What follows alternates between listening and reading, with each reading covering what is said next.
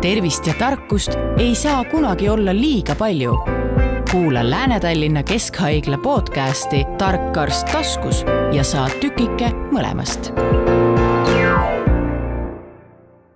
tere kõigile, kes te vaatate või kuulate saadet Tark arst taskus tänases Lääne-Tallinna Keskhaigla saates räägime sellest, mis on reumatoidartriit, kuidas selle haigusega elada ja kas seda ka mingil moel ravida saab ja saates on külas sisehaiguste keskuse ülemarst, juhataja, reumatoloog, doktor Natalja Kisseleva, tere Natalja. tervist. Natalja, ma kohe alustuseks küsin, et kas äh, artriit ja artroos on äh, üks ja sama asi, sellepärast et minu põlvel on näiteks artroos ja siis, kui artriit oleks seesama, siis ma teaksin, aga kas on? ei ole, et äh, artriit ikkagi liigese põletik. artroos on liigese kulumine mis on mittepõletikuline liigesehaigus. ahhaa, nii et mul võib artriit ka veel tulla äh,? Ar-, artriit võib tekkida iga vanuses, et äh, muidugi, et mitte keegi ei tea, kas tuleb või mitte mm. -hmm.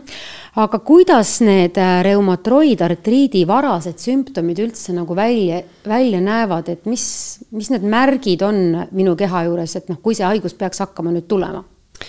Äh, kui rääkida reumatoidartriitist see on selline krooniline, äh, põletikuline, autoimmuunne äh, haigus, mida iseloomustavad sümmeetriline või ütleme siis mõlemapoolne väikeste liigeste haratus. see tähendab, et haratud on labakäe, labajala liigesed, kuid ka suured liigesed nagu põlve, hüppe, küünar, randme, õleliigesed. aga haigus võib harata ka liimapaunad siis on kõlusad tuped, kuid ka lihased. Ja tekib üldine sümptomaatika ka, et selle suhtes inimene on ikkagi, eh, tunneb ennast haigena. et esiteks ta on, eh, väsib kiiremini, ta väga jäik hommikuti alati, et ja pluss temal võib tekkida ka väiksed palavikud. Ja isutus ja väsimus, et töövõime kadu et äh, ja see on üldine sümptomid, aga liigesed muidugi, kui on äh,, liigesepõletik tekib, siis äh, tavalised inimesed tunnevad ennast halvemini hommikul tekib liigeseturse, hommikune jäigus ja selline kangus, et inimene ei saa eriti voodist välja minna ja kui ta ikkagi tõuseb, siis äh, see jäikuse kadumine äh, no võtab aega kas poolest tunnist kuni terve päevani. Ja need inimesed tunnevad ennast paremini õhtuti Mm -hmm. ja vastupidi, artroosi puhul, et äh, artroosikaibused äh, tekivad õhtuti äh, tööjärgselt või koormuse järgselt. vot see on erinevus mm. -hmm. nii et kui mul juba artroos on ja kui mul on näiteks pärast istumist on kere kange, kui ma pikaaegselt mm -hmm. istun või hommikuti mm, -hmm. kui ma nagu ärkan ja mul on keha kange, siis on lootust ikka artriidiks ka. Kui on just inimene istub kauem ja pärast ta peab püsti tõusma, see nimetatakse stardivaluks ja stardikangeks, kangust, et äh, see stardikangus kaob ära mingit viie minutiga esimese sammudega. ja, ja alguses käid nagu kööbakalt ja, ja pärast ja juba lähed sirgelt edasi. just täpselt, aga äh, liigesepõletiku puhul, et äh, need stardivalud peaaegu siis ei tule, kuid äh, tulevad hommikune jäikus mm. -hmm. aga kui inimene hommikul üles ärkab ja ta tunneb, et see jäikus on tulnud, et kas ta peab midagi nagu tegema ka, et seda leevendada, kas ta peaks voodis võimlema või sirutama või äh,? tavaliselt ja äh, need liigesepõletikuga haiged võimlevad juba, nemad kuulavad oma keha ja nemad võimlevad juba voodis ja äh, pesevad ennast puhtaks ja siis võimlevad põrandal ka.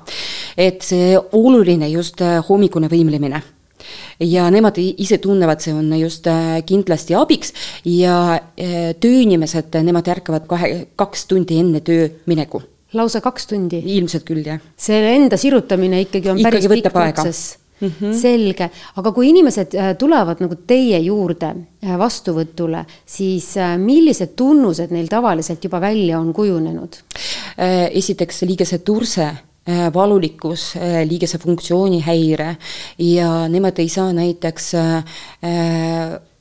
sõrmed rusikasse panna või põlve painutada täielikult, et äh, need sümptomid äh, muidugi inimest häirivad ja siis nemad ikkagi satuvad reumatoloogi vastuvõtule mm. -hmm. aga mis see tähendab, et ei saa sõrme rusikasse panna, kas kuskilt maalt jääb pidama või? täpselt lihtsalt nii. ei lähe edasi, on valus ja ei lähe edasi? ei lähe, sellepärast on äh, käed nii kanged. või siis nagu paned nagu kätt või põlve, et ta jääb kuskile maale pidama ja, ja ei lähe enam edasi? ja, siis on niimoodi mingi takistus on, sellepärast liigese turse annabki takistust. ahaa Äh, mis need, mis need esimesed sammud siis on, et mida nagu siis tegema peaks, kui sellised nagu nähtused on juba tulnud, ma arvan, et neid on vist päris palju, neid inimesi, kellel see mure on no tegelikult äh, reumatoidartriidi levimus on üks protsent Eestis äh, täiskasvanud äh, elanikkonnast. et äh, selle suhtes, et ei ole päris palju ja kui sellised sümptomid tekivad, inimesed ikkagi pöörduvad kas erakorralise meditsiini osakonda või perearstikeskusesse. ja perearst saadab juba siis reumatoloogi vastuvõtule või ta teeb kiiremini, sest äh, kiiresti e-konsultatsiooni mille puhul on võimalik reumatoloogi vastuvõtule sattuda juba no nädala jooksul. Mhm. kas siin on kiirus oluline ka? Äh, kiirus ikkagi äh, alati oluline, kui patsient, inimene ise tunneb halvasti ennast ja, ja, ja muidugi tahab abi saada mm. -hmm. missugused need äh, probleemid võivad tekkida selle reumatoidartriidiga näiteks nagu töö puhul, et, et millised, milliste tööülesannetega inimesed võib-olla on kõige kehvemas olukorras äh,? niisugune väike motoorika, kõige raskem nendele haigetele ja muidugi, kui on äh, spordiga seotud inimene, siis on just äh, spordi tegemine on äh, raske et kui on sõrmed, on sõrmeliigesed haratud ja sama äh, põletik tekib kõõlustes ka, et siis on muidugi, et äh, need väiksed äh, liigutused teha väga raske, nööpid äh, kinni panna, riiutada ja edasi, edasi. sellised igapäevaasjad siis võivad Absolut. ka nagu problemaatiliseks nagu muutuda? jah toidu mis... valmistada on samamoodi. jah, just, et, et mis selle toidu valmistamise juures siis läheb keeruliseks, kui sa ikkagi liha lõikamine näiteks, äh, salati tegemine ja äh, et äh, seistmine ka võtab siis, et tegelikult tekib valu. et kui inimene valmistab toitu just seistes.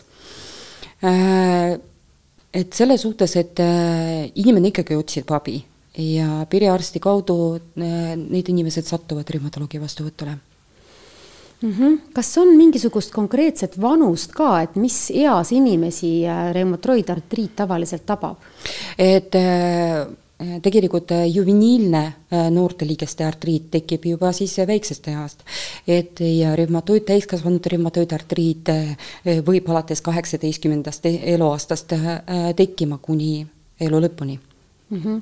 aga kas see on nagu seotud ka kuidagi elustiiliga või kas seda saab kuidagi nagu elustiiliga vältida või see lihtsalt tuleb ja nii ongi? Äh, see tegelikult, äh, miks äh, inimesed haigestuvad, on väga raske öelda, et on olemas riskitegurid mis vallandavad reumatoidartriiti, kuid kohe põhjus öelda ei saa Mm -hmm. et see jääb ebaselgeks veel, aga riskitegurid on suht palju. et esiteks on geneetiline eelsoodumus. kui inimesel on olemas geen, eh, mis eh, käi-, ütleme aktiveerimise puhul, et tekib reumatoidartriid, siis haigestumine on muidugi, tõenäolisem. ja geeni võib vallandada igasuguse faktorid, näiteks viirusinfektsioonid.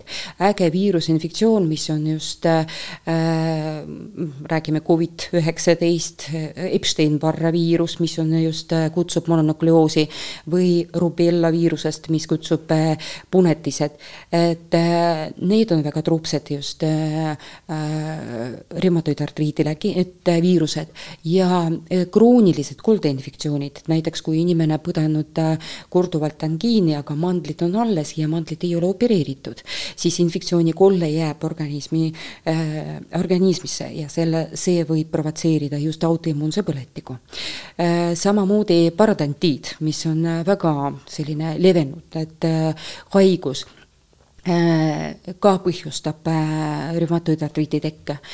et äh, lisaks igasugused noh, näiteks suitsetamine mm. -hmm. et äh, kui inimene suitsetab, siis on neljakümne, nelikümmend protsenti suurem risk reumatoidartriidiga haigestuma. see on päris suur protsent. see on päris suur protsent ja huvitav see, et kui ta lõpetab suit-, inimene lõpetab suitsetamist, siis on kakskümmend aastat säilitakse sama risk nii et tegelikult, kui sa oled mingi eluperiood korralikult äh, suitsetanud, siis see risk kestab sul ikkagi kaua. päris kaua. Äh, ja suitsetamine muidugi käivitab põletikuline äh, protsessi, põletikulise protsessi ka, sama kui rasvumine ja ülekaal mm. -hmm need on äh, noh, ütleme siis kõige levenud äh, riskitegurid reumatoidartriidiga. no kui see on geneetiline haigus, et kas, no üks asi on see, et kui su vanematel on see olnud, et siis see tõenäosus, et, et sa ise selle käes hakkad tulevikus kannatama, on nagu suur aga kas seda on võimalik juba tänapäeval ka mingisuguste geenitestidega kindlaks teha, et kas see risk ei ole mõtet, see ei näita midagi, su risk on, aga ta ei pruugi välja tulla? absoluutselt, siis me saame igasugused geenid ära kontrollida ja mis siis, et kas me võtame haigust või, või elame edasi, ikkagi elame edasi mm. -hmm. et pigem siis ikka niipidi? Eh, milline see tänapäeval see ravi on, kui reumatri-, reumatoidartriit juba on kallal? Eh, tegelikult reumatoidartriiti diagnoosib ravib ja jälgib reumatoloog koostöös äh, perearstiga. ja reumatoidartriidi äh, ravi eesmärk äh, saavutada reumatoidartriiti vaibumisperioodi või remissiooni remissioon tähendab siis nagu tagasiliikumist? just täpselt, et äh, haigus ei ole aktiivne mm. -hmm. aga patsientid, kuna see on krooniline haigus ja eluaegne haigus, siis ravi on ka eluaegne. see ei tähenda, kui vaibumisperiood on äh, saavutatud, siis äh, ravi lõpetatakse. ei, ravi on pidev ja äh, reumatoloogid kasutavad erinevaid äh, ravimeid äh,, kuid oluline ka taastusravi füsioteraapia, tegevusteraapia, kuid ka kirurgiline ravi et ravimeid, mida me kasutame kohe, kui diagnoos on püsti pandud, et haigust modifitseerivad ravimeid. Nendega viivita absoluutselt ei tohi. Need hoiavad liigese deformatsiooni eest ja mõjuvad haiguse kulule ja neid ravimeid on äh, süsteet-, sünteetilised tablett äh,, ravimeid, mida on võimalik äh, võtta üksinda, kuid ka kombinatsioonis. ja kui kolme kuu pärast, et äh, raviefekt on tagasihoidlik või mitte piisav. Äh, või on äh, nende ravimite peale tekkinud allergilised reaktsioonid, siis võib alustada bioloogiline ravi mida see bioloogiline ravi endast kujutab?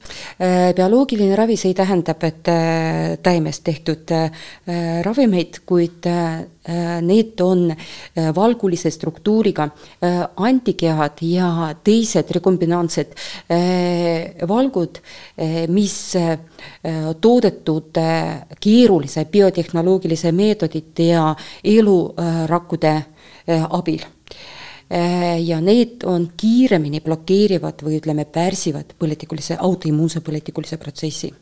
Aga millegipärast on see siis nii, et kõigepealt proovitakse ühte tüüpi ravimeid ja siis pärast äh, teist Teisi tüüpi, tüüpi. ravimeid, kas need teised on nii. kallid, et neid ei või kohe panna või?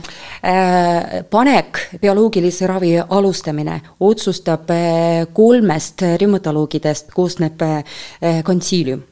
Äh, ja sellised konsiiliumid on võimalik läbi viia Ida-Tallinna Keskhaiglas Põhja-Eesti Regionaalhaiglas kui viimase aasta jooksul ka Lääne-Tallinna Keskhaiglas nii et see on selline konsiiliumi otsus? konsiiliumi otsus, pluss on olemas, kui patsient näiteks vastab eh, tervis, Eesti Tervisekassa eh, kriteeriumile ja sobilik bioloogilisele ravile ja ei ole vastunäidustatud, eh, siis on ravi alustatakse mm. -hmm. aga millised need vastunäidustused võivad olla bioloogilisel et absoluutselt vastunäidustatud, vastunäidustused on äge infektsioon siis on mõõdukas või äh, raske südamepuudulikkus või on tundlikkus äh, antud preparaadile mm, -hmm. ületundlikkus no kui palju see ravi seda patsiendi seisundit paremuse poole nagu muuta saab? Kui nüüd rääkida, et kuidas inimene ennast tunneb nagu muidu e, ja kuidas?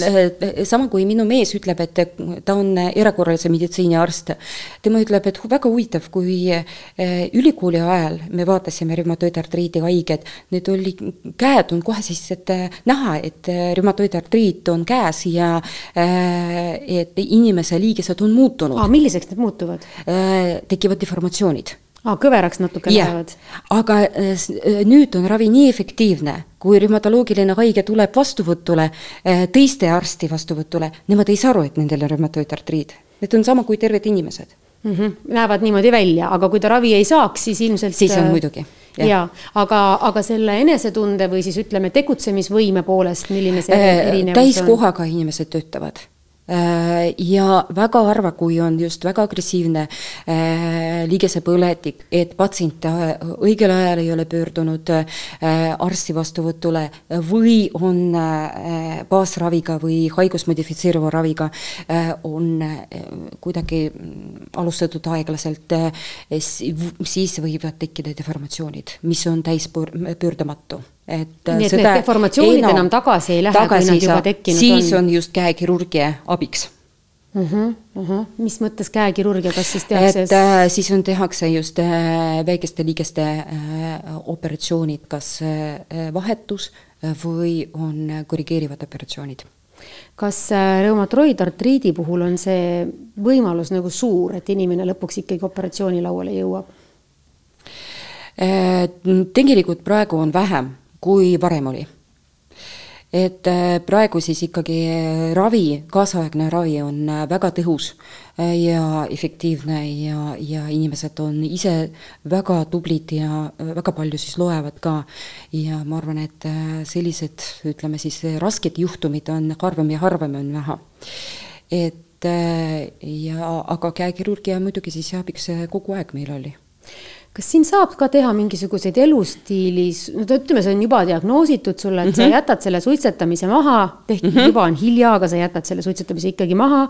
et mida inimene veel teha saab, et ta, kuidas ta äh, ise saab kaasa aidata, et see, et see ei süveneks? niimoodi, et äh, tervislik eluviis ütleme siis, et toidu peale inimene peab äh, panema tähele ja kindlasti, et inimene peab liikuma see trenni tegemine minu meelest on, ma arvan, et inimene kolmekümne viiest eluaastast peab siis kolm-neli trenni teha nädalas, see on äh, raudselt et.... ahaa, enamik jätab järgi trenni selles vanuses. Siis just tuleks tegema hakata. just, hakkab tegema, kui inimene on noor, siis see on just, liigub rohkem.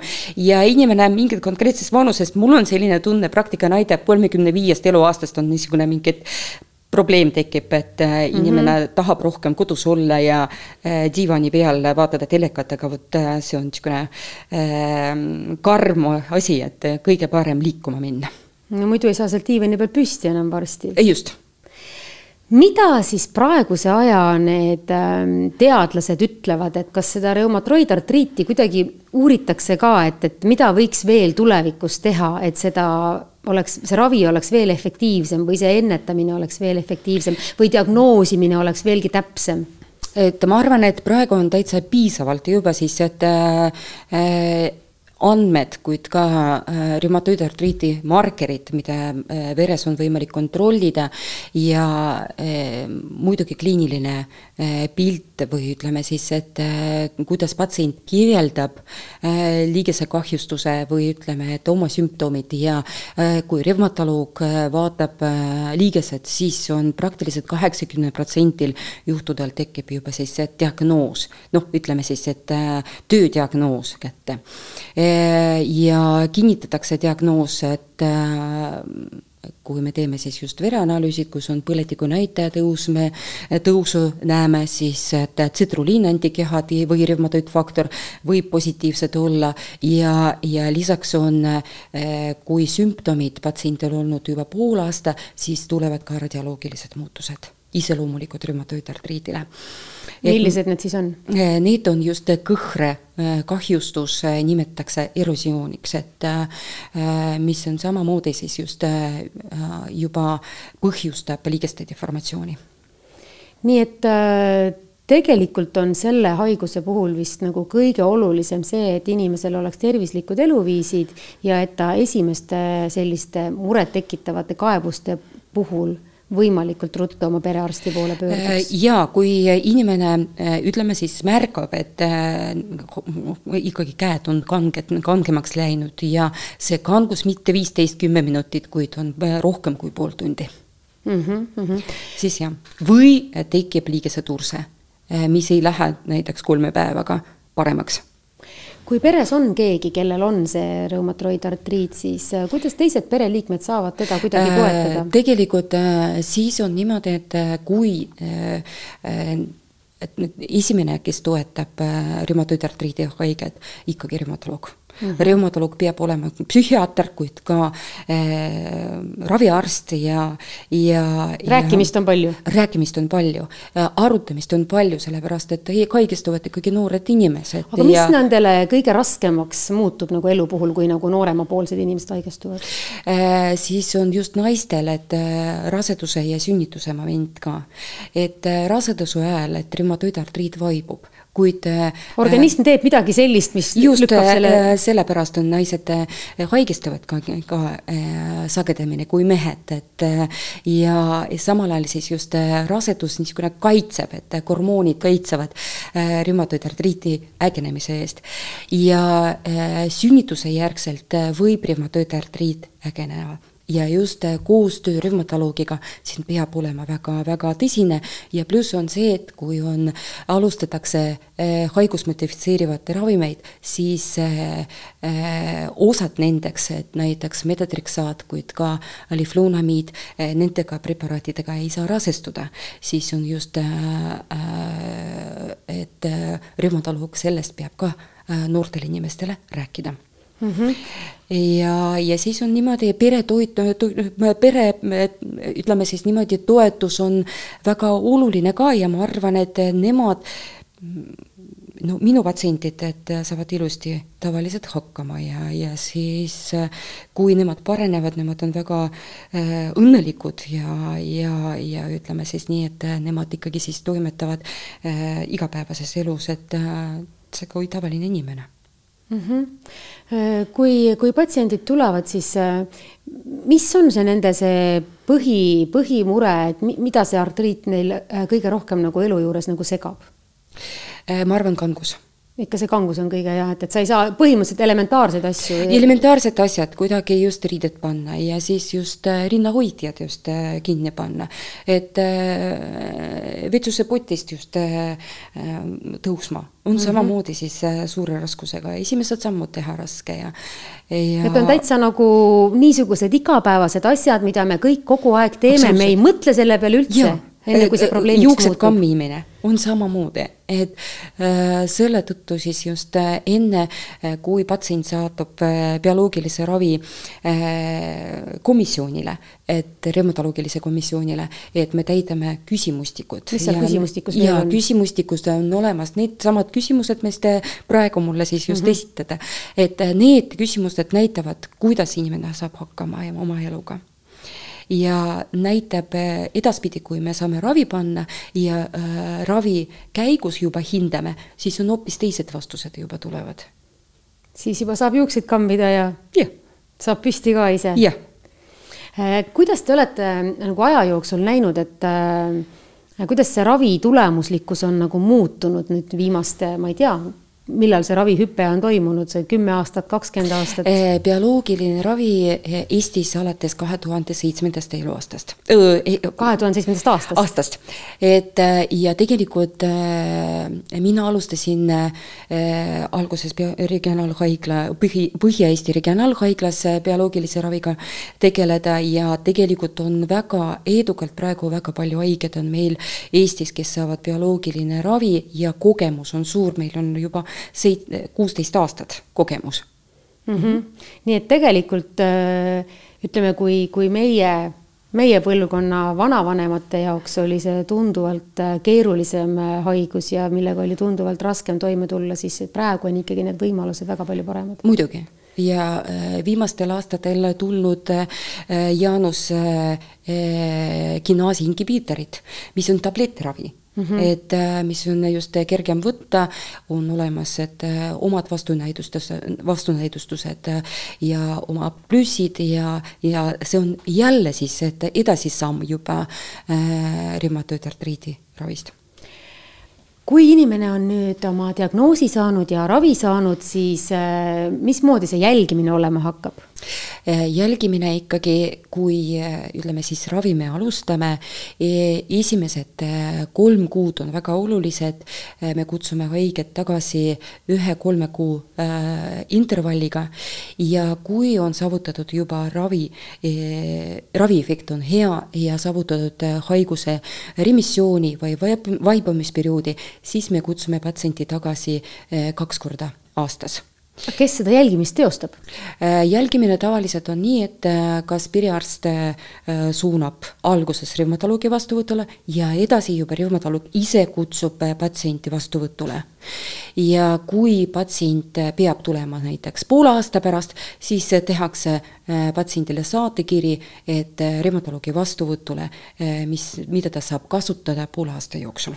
mis tähendab seda, et kas ta saab selle saatekirja perearsti käest või ta saab selle saatekirja reumatoloogi käest ja see kehtib tal pikka aega? siis mulle tundub, et sellised asjad on olulised, inimesed lähevad ju segadusse, et kus ma selle ja. paberi saan, kelle ja. juurde ma lähen, äkki mind saadetakse tagasi, öeldakse, et Just. valesse kohta tulid. et helistavad äh, registratuuri ja registraator ütleb, et ta ei saa panna kirja, et kuna saatekiri puudub. ja siis ta ei tea, kust seda saab. täpselt. et sellepärast äh, süsteem on ja. väga lihtne, et äh, ise reumatoloog enda vastuvõtule teeb siis saatekirja.